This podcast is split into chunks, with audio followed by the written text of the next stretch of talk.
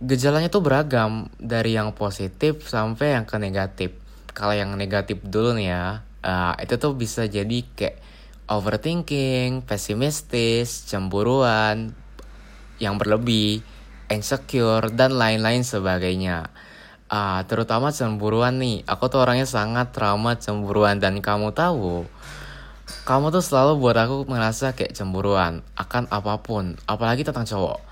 Tapi aku inget kata Firsa Besari di lagunya Celengan Rindu yang ingin ku bakar dia yang sering mention mentionan denganmu di Twitter.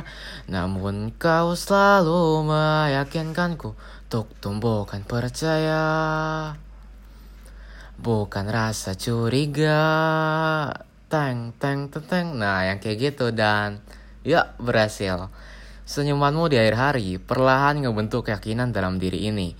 Tapi buat mengenang masa penderitaan itu yang tadi-tadi aku bilang dan hal-hal negatif, ini dia. Tired of wanting you.